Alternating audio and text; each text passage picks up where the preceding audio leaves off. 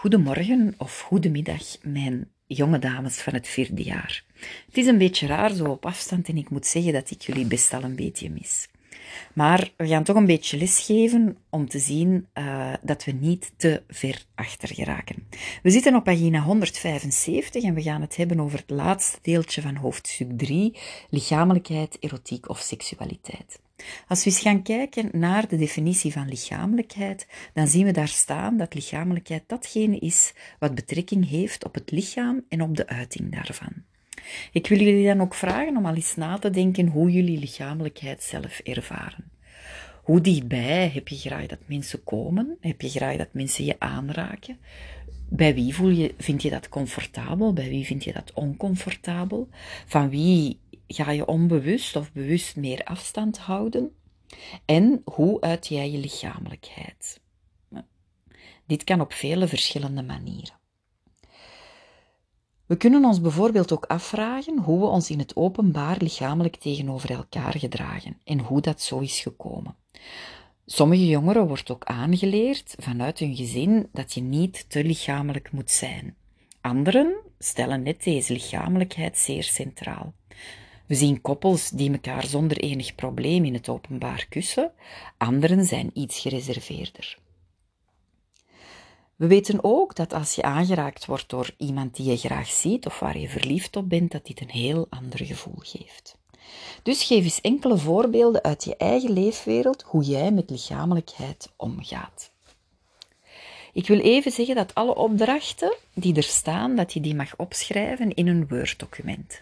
Ik zal een uploadzone voorzien uh, en de opdrachten mogen allemaal na elkaar worden uitgeschreven. Pagina 176 zien we bovenaan een kort stukje staan over tatoeages. Ze bespreken daar vooral de Maori's, waarbij tatoeages een belangrijk onderdeel zijn van hun cultuur. Het vertelt een individueel verhaal en in die zin is elke tattoo bij elke Maori anders.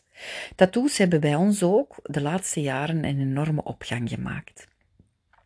Ze hebben niet dezelfde betekenis als bij de Maori's, maar we zien wel dat ze ondertussen in alle lagen en segmenten van de bevolking voorkomen. We zien ook meer en meer tatoeages in het aangezicht verschijnen onder invloed van een aantal uh, populaire figuren, zoals Post Malone. Hierdoor laten jongeren zich inspireren om ook een aantal tatoeages in het aangezicht te zetten. Kijk eens naar opdracht 26 en motiveer waarom je zelf al dan niet een tattoo zou laten zetten en waar je hem zou laten zetten. Sommige mensen kiezen voor een niet zichtbare tattoo. Als we gaan kijken naar um, de weblinks, dan plaats ik daar een weblink in over uh, een tentoonstelling die twee jaar geleden in het MAS heeft plaatsgevonden. Ik ben er met de toenmalige leerlingen van de derde graad uh, humane wetenschappen nog naartoe geweest. Het was een zeer interessante uh, tentoonstelling met zowel video's als uh, schilderijen. Ik zou graag willen dat jullie het artikel lezen en dat jullie drie dingen beschrijven die jullie aanspreken of die jullie uh, verbazing wekken of die ehm, jullie eventueel verdrietig maken. Het het is een beetje raar gezegd misschien, maar er staat zo wat van alles in. Hè. Het gaat over lotusgroentjes bij China, uh, tot de holocaust, tot uh, de elite van de oude Mayas. Dus schrijf dingen op die jullie op de een of de andere wijze raken. Als we dan eens gaan kijken naar opdracht 27 in het boek, zien we dat uh, Beyer en Sternberg, twee psychologen, een onderzoek hebben gedaan en na observatie dat is dus de onderzoeksmethode, besloten dat koppels die het gelukkigst waren, elkaar ook het meest aanraken en het iets bij elkaar zaten.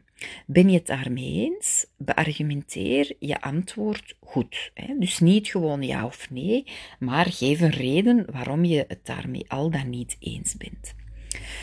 Sidney Jourard gaf een uh, zeer interessant onderzoek, want hij toonde eigenlijk aan dat niet iedereen je overal mag aanraken.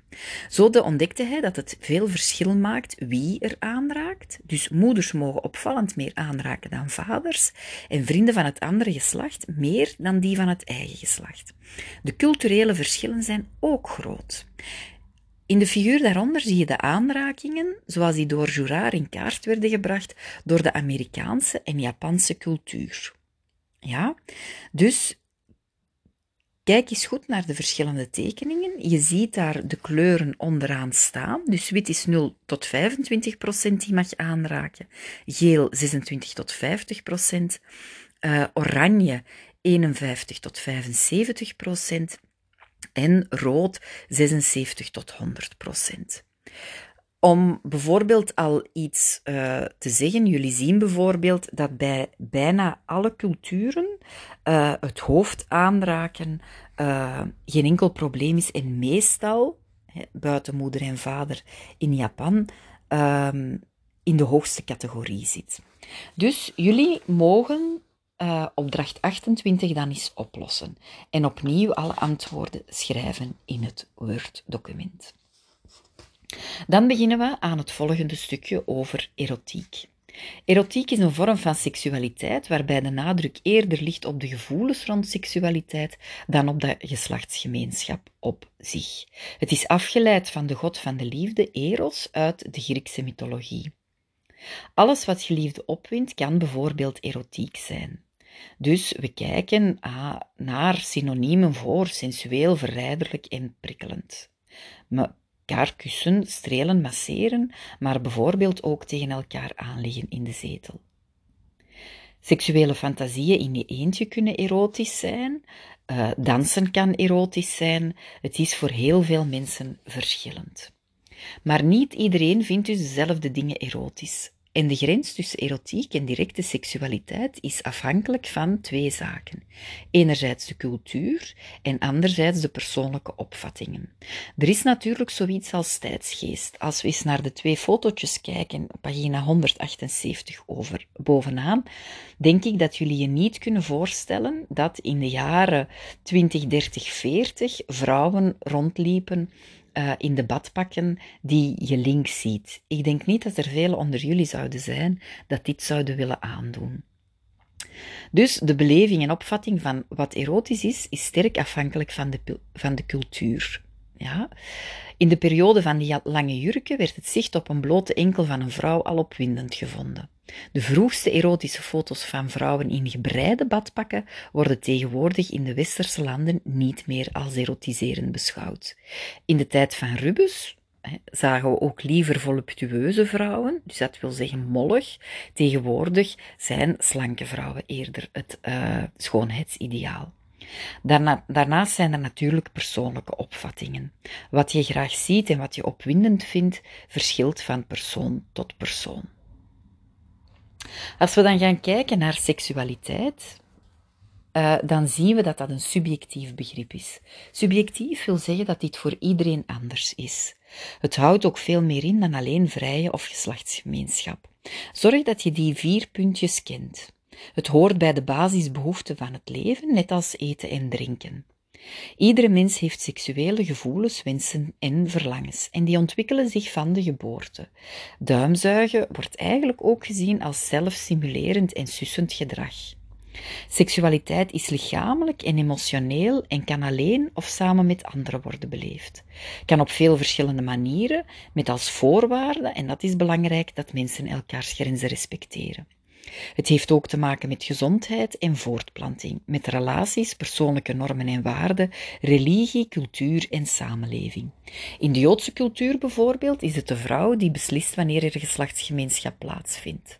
Als zij haar uh, als zij de keppel van de man op het hoofdkussen legt, uh, dan zal er geslachtsgemeenschap plaatsvinden gezien lichamelijkheid uh, vaak niet direct mag gebeuren in Joodse culturen. Kijk ook naar hun kleding, die uh, alle lichaamsdelen vooral moet bedekken, uh, zien we ook dat lichamelijkheid of seksualiteit vaak gebeurt met een laken ertussen. Seksuele opwinding begint als we verlangens naar seks naar onze partner. En door het prikkelen van erogene zones krijgen we een orgasme. Ik denk dat jullie dit al gezien hebben bij natuurwetenschappen. Bij mannen en vrouwen zijn verschillende hormonen in verschillende hoeveelheden in het lichaam aanwezig. Testosteron bij de man, progesteron en oestrogenen bij de vrouw. Het hormoon dat, ontstaan, uh, dat verantwoordelijk is voor het ontstaan van seksuele verlangens is DHEA. Dat moeten jullie niet van buiten kennen. Je moet gewoon weten dat het bestaat, maar ik ga er in ieder geval geen vragen over stellen. Ja. Bij seksueel gedrag is het belangrijk dat je rekening houdt met wat de ander wil en voornamelijk niet wil. Anders spreken we van seksueel grensoverschrijdend gedrag of zelfs van aanranding en verkrachting. Bij Wipplings ga ik een uh, enquête zetten uh, die via een video wordt toegelicht uh, vanuit het programma, ook getest op mensen over seksualiteit. Het gaat over uh, enerzijds mensen die in een relatie zitten en anderzijds alleenstaande. Er zijn ook een aantal uh, verschillen tussen mannen en vrouwen. Ik stel een aantal vragen over deze enquête en die zit bij. Die zal ik uploaden bij taken. Die kan je dus gerust op een ander moment maken. Uh, ik zal ze ook als een apart onderdeel zetten in een les. Ja, en dan kan je ook dat document um, uploaden. Het is best een interessante enquête waar uiteindelijk een heleboel mensen uh, ondervraagd zijn. Nu, seksueel grensoverschrijdend gedrag is gedrag waarbij, iemand, waarbij iemand tegen zijn of haar wilt wordt overgehaald, beïnvloed, gemanipuleerd, gechanteerd of gedwongen tot seks of seksueel getinte handelingen. Er wordt met andere woorden geen rekening gehouden met één of meer kenmerken van gezonde seks. Als je lief een stap verder wil gaan, maar hij of zij is daar nog niet klaar voor, moet je dat respecteren en nog even wachten. Voor vrouwen is dit niet altijd een gemakkelijk gegeven. We voelen ons vaak verplicht om toch verder te gaan en het is dus zeker niet zo dat seksueel grensoverschrijdend gedrag alleen met vreemden gebeurt. Ook in relaties is er soms sprake van seksueel grensoverschrijdend gedrag. Dus heb je het gevoel dat je lief sneller wil gaan naar een volgende stap? Praat er dan over. Vraag hem om te wachten en geef aan wat voor dingen je wel en niet fijn vindt. Dit is niet zo gemakkelijk, zelfs niet bij volwassenen. Onze seksualiteit is toch nog altijd een onderwerp dat moeilijk bespreekbaar is. Ook als je dingen hebt gedaan waar je je niet goed bij voelt, bespreek je dit best bij elkaar.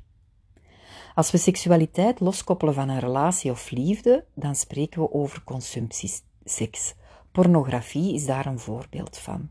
Ik wil dit een beetje relativeren, omdat alleenstaande mensen hè, vaak uh, seksuele contacten hebben. En dan zit ik terug bij op, wat op pagina 178 stond. Seksualiteit hoort bij de basisbehoeften en het is dus zeker niet altijd consumptieseks. Bij opdracht 29 mogen jullie de onderstaande tekst uh, lezen en men samenvatten in maximaal 9 regels. Mhm. Ook dit schrijf je bij de eerste opdracht en uh, bij de opdrachten voordien bedoel ik, en lood je uh, op in de bijbehorende map. Wat er nog gaat komen, is dat ik nog een um, weblink heb naar de kracht van lichaamstaal. Ook hier heb ik een aantal vragen bij over spiegelgedrag. Ik zal dit ook uh, duidelijk in de agenda zetten en dit uitwerken en de taak uploaden in uh, Smart School. Ik zal goed zeggen waar alles staat. En dan nog een filmpje over het feit dat Love No Labels has. Het is een mooi filmpje dat ik jullie gewoon wil meegeven en dat ook te vinden zal zijn bij de weblinks. Voilà, zo kunnen jullie eventjes verder. Uh, ik zou zeggen, doe het op jullie gemak. Werk de opdrachten goed uit. Op elke opdracht zullen uh, een beperkt aantal punten staan. Uh, ik zou eigenlijk graag hebben dat de opdrachten gewoon worden uitgewerkt zonder dat ik hier punten op hoef te zetten. Uh, maar om het zeker voor het onzeker te nemen, zal ik er toch, en om jullie te belonen voor de moeite die jullie erin steken, zet ik er een aantal punten op. Goed, hou jullie goed daar, verveel je niet te veel, zorg voor elkaar en denk eraan, handen wassen, afstand houden en vooral geen domme dingen doen. Tot binnenkort. Dag.